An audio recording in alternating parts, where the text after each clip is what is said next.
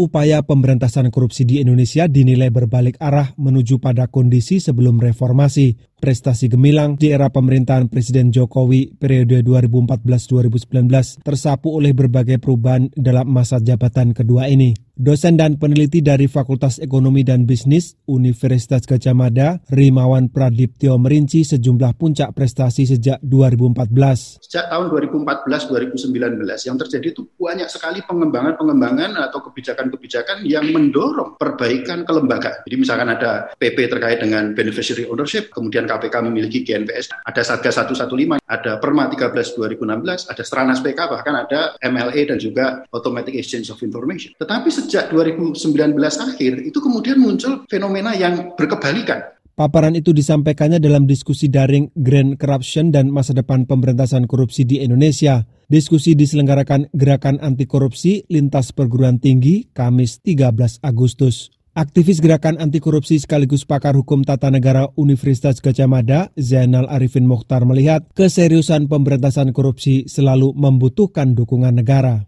prasyarat penting untuk keberhasilan pemberantasan korupsi yaitu dukungan negara. Dan dukungan negara ini mau tidak mau memang yang kita bahasakan adalah kekuatan politik. Karena di situ ada presiden, DPR, ada banyak subsistem negara. Zainal yang pernah menjadi moderator dalam debat Presiden Pemilu 2014 mengingatkan Jokowi punya janji terkait penguatan upaya pemberantasan korupsi.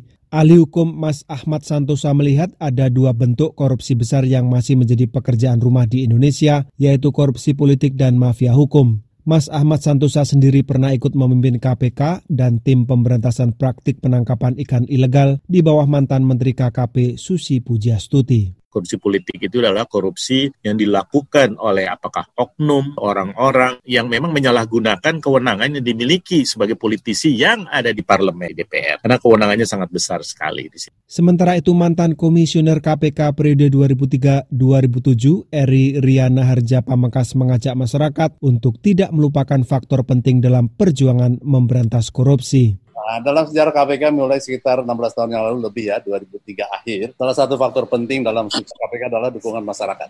Nur Hadi melaporkan untuk VOA Washington.